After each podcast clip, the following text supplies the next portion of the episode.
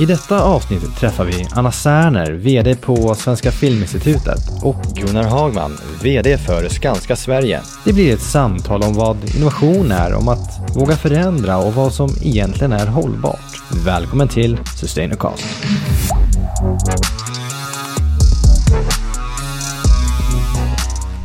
När skapade du en förändring som verkligen ledde till något nytt? När jag kom in på Filminstitutet så eh, var det väldigt uppenbart att vi eh, gav eh, 75 procent av alla våra stöd till män. Så att jag bestämde mig för att det här måste det bli skillnad på. Det är egentligen verkligen en kvalitetsfråga för mig. Så jag gjorde helt enkelt ett rejält förändringsarbete som eh, syftade till att vi över tid ska ge lika. Och för mig är lika 50-50 och inte 40-60. Det här ger jag fyra år eh, med arbete och eh, om vi inte når målet så är jag inte rädd för kvotering men jag vill inte kvotera. Men du satte upp det som mål då uppfattar jag. Jag tycker det är lite ja. spännande. Ja, Ändrar du någonting i, i någonting annat tänker jag, eller kring processer eller liksom eh, Absolut. ansökningsprocedurer eller hur det nu går till? Varje gång man gör en förändring så tar man ju hjälp. Och så tar man in en konsult och så tittar man på nuläget och tittar på hur kan man skapa en bättre miljö för att uppnå det man vill ha. Eh, och när man har gjort det, man gör en nulägesanalys, man sätter upp ett mål, man ger en tid, man ger naturligtvis en budget och då blir det målet att vi om fyra år ska ha klarat av att hitta talang på ett nytt sätt. Och ett viktigt sätt för mig att göra det på, det var att faktiskt eh, definiera vad jag menar, eller vad vi menar med kvalitet. Och då ska berättelserna som söker pengar ska ha en relevans eller angelägenhetsgrad. Vad är nytt, originellt? Och slutligen så, vad tror vi eh, är hantverksskickligheten? Är det rätt personer? Kommer det bli en film som når en publik i slutändan? Och bara genom att tvinga mina beslutsfattare att argumentera för sin sak så lyfter man sig från magkänslan till en lite mer objektiv bild. Och på det viset så fick vi verktyg att jobba med det här. Och, ni, och, har du då skapat en förändring som verkligen ledde till något nytt? Ja, jag, jag tänker lite grann att det är det känns ibland futtigt kanske det man håller på med. Eh, sådär. Så när jag tänker liksom, vad, vad är det som jag är riktigt stolt över som är lite utanför boxen, så, utanför ramarna. Så tycker jag ändå var, jag var ansvarig för vårt hållbarhetsarbete i vår ledningsgrupp i Sverige mm. eh, 2015 när Parisavtalet kom till kring klimatförändringarna. Eh, och eh, då propagerade jag väldigt mycket för att Skanska Sverige skulle ansluta oss till Parisavtalet, vilket vi också gjorde. Och det var tog tre ledningsmöten innan jag fick liksom eh, ut med liksom en konsensus i princip. Då, ja. eh, och det, vi landade i det också. Det är jag nog mest stolt över. Och varför var det så konstigt? Jo, för att i Skanska så är vi rätt så vana vid och tränade i att vi måste alltid kunna kalkylera allting i förväg. Vi är ganska motståndare till risker som vi inte vet vad det är. Och hur skulle vi kunna sätta ett mål som egentligen innebar att vi, vi vet inte hur vi ska ta oss dit. Det är långt bort, 2045. Mm. Vi hade ett delmål 2030 som plötsligt känns ganska nära nu då. Mm. Eh, så det där tycker jag var ett väldigt, väldigt spännande när jag ser tillbaks på det också. En tankeprocess och en utveckling av vår ledningsgrupp som var väldigt positiv också. Mm. Och vi landar i det här att det är klart att vi måste ha ett mod ibland att sätta barriärbrytande mål. Vi Men var 100%... har du motstånd också? Om jag hade ett motstånd då, jag har nog landat att den här frågan för mig är personligen väldigt viktig och liksom jag tillhör dem som, som verkligen är bekymrade över läget på jordklotet då. Och eh, jag sitter i en position där jag har ganska mycket kunskap tycker jag kring detta. Eh, jag är också i en position där jag kan bestämma en hel del saker för Skanskas räkning då i Sverige. Eh, och jag vill inte stå här om 10-20 år och få frågan liksom varför jag inte gjorde någonting. Mm. Så jag, jag landar i den att liksom grunda det ganska starkt i mina egna värderingar. Jag får ju avgångskrav oavbrutet på grund av mitt förändringsarbete. Okay. Får du det? Eh, inte avgångsförslag har jag inte kommit mig, mig till kännedom än. Men allt kanske inte Men kommer fram. känner du att eh, Nej. det kan vara svårt att få igenom saker? För jag menar, ibland så gör det ju att processer går långsammare. Ja. Ibland blir det mindre vinst. Får det lov att kosta för er? Mm. Det är alla de frågorna dök upp. Ja. Eh, absolut. Och det är så att det kan till och med vara så att kanske kortsiktigt så kan det ge lite mindre vinst. Mm. För man måste investera i kanske ny kunskap. Det Mm. kan innebära nya personer vi måste anställa. Eh, kanske investera i någon typ av teknik och så här. Absolut. Mm. Men vi tror att det måste gå hand i hand med affärerna också. Vi ser ju att våra kunder i slutet måste också eh, vara med på den här resan. Men det är klart, det var en fråga från början.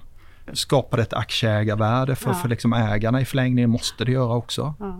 Och det här tror jag liksom är lättare att ta den diskussionen idag än vad det var då för fyra fem år sedan faktiskt.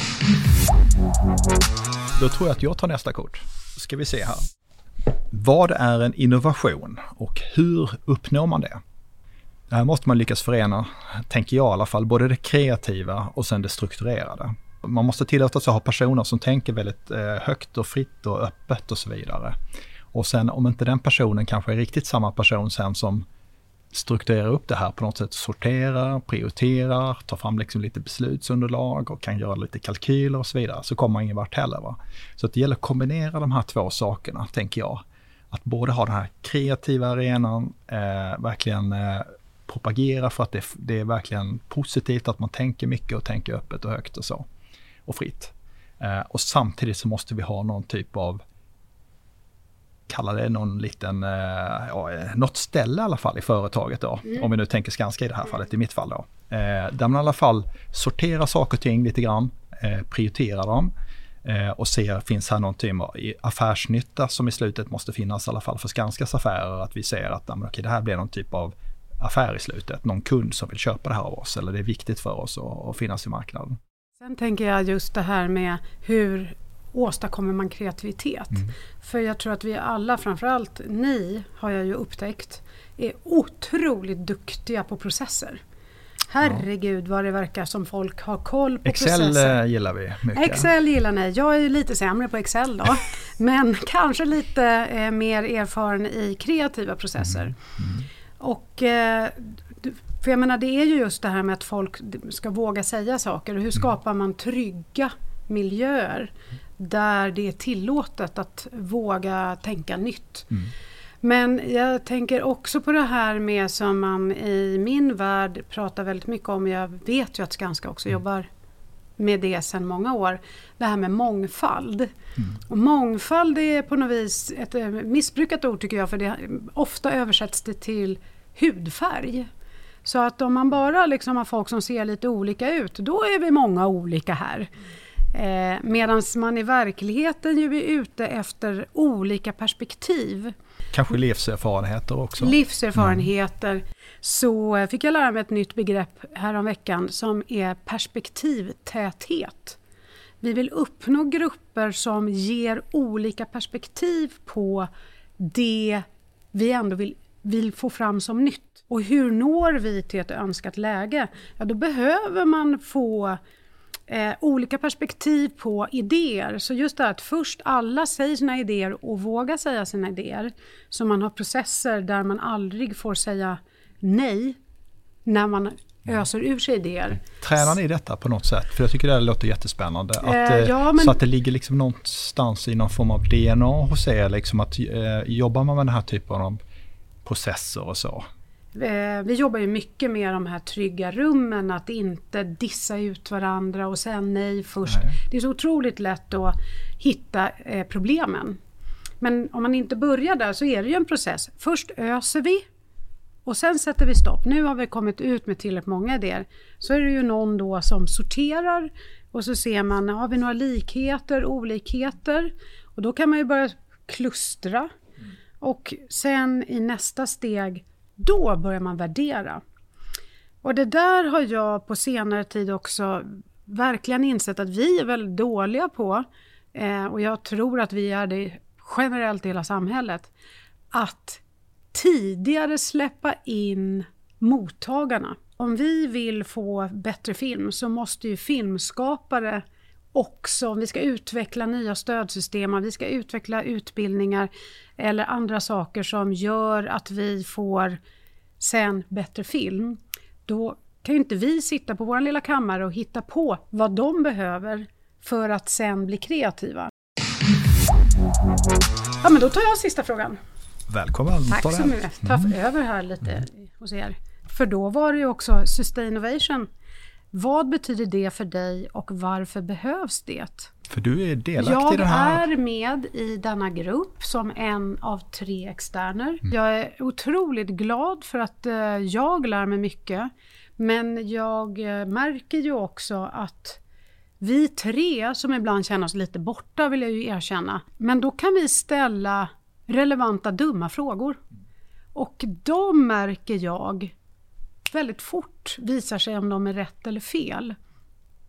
Och det tänker jag, det är, det är verkligen ett bra sätt att också våga, att ni vågar ta in en sån som mig, som är, jag är ju visserligen jurist men jag är ju verkligen inte ingenjör. Men just vad har kulturen för roll i samhällsbyggnad? Och vad, är, vad vill man ha när man bor i ett samhälle?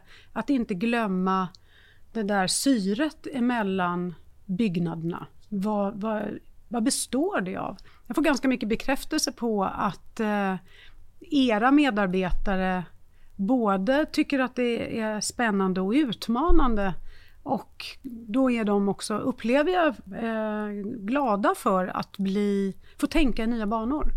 Stämmer det? Det gör det. Jag ja. kan kvittera det. Ja. De har enbart eh, positiva upplevelser, ja. även om ni har sagt nej rätt många gånger. Mm. Men även det har varit väldigt kreativt.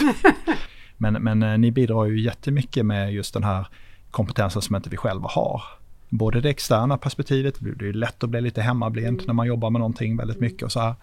Eh, och sen så då helt andra erfarenheter och kompetenser också än de vi sitter på själva. Så det är väldigt, väldigt positivt. För min egen del så tycker jag det här vad det Sustain betyder då. Så, så dels är det ju, gillar jag ordet. Mm. Att det är liksom en sammanbakning av innovation och sustainable och hållbarhet. Att det är liksom det som det här ska leda till framåt då. Och jag tror för Skanskas del så kommer det att vara jätteviktigt. Jag säger att det här kommer att vara en av våra liksom drivkrafter eller motorer som vi skapar kraft i företaget. Och vi tror att det kommer behövas jättemycket mer samarbete med andra företag också. Eh, framförallt om vi tänker oss att vi ska ut på den här klimatresan då, mm. som kommer vara en viktig del för oss i alla fall. Eh, vi kommer inte klara det själv, utan vi kommer vara beroende av mindre företag, kanske startups i något fall, som hjälper oss med vissa innovationer. Eh, det kan också vara samarbete med större företag. Eh, det finns ett antal industriföretag som vill samarbeta med olika saker. Så jag ser det som en jätteviktig del eller någon form av pusselbit eller motor för att liksom nå fram i närmsta tio åren, liksom de strategiska målen vi har faktiskt. Så det är en jätteviktig del för oss. Jag tror att ni har verkligen hittat på någonting som andra borde ta efter faktiskt. Mm. Vad har du, eh, ska man fundera på lite grann, nu har vi haft ett samtal här ett tag. Vad är det för eh, tre grejer du tänker vi har pratat om som är viktiga? Ta med sig vidare. Perspektivet med externer. Att inte bli hemmablind.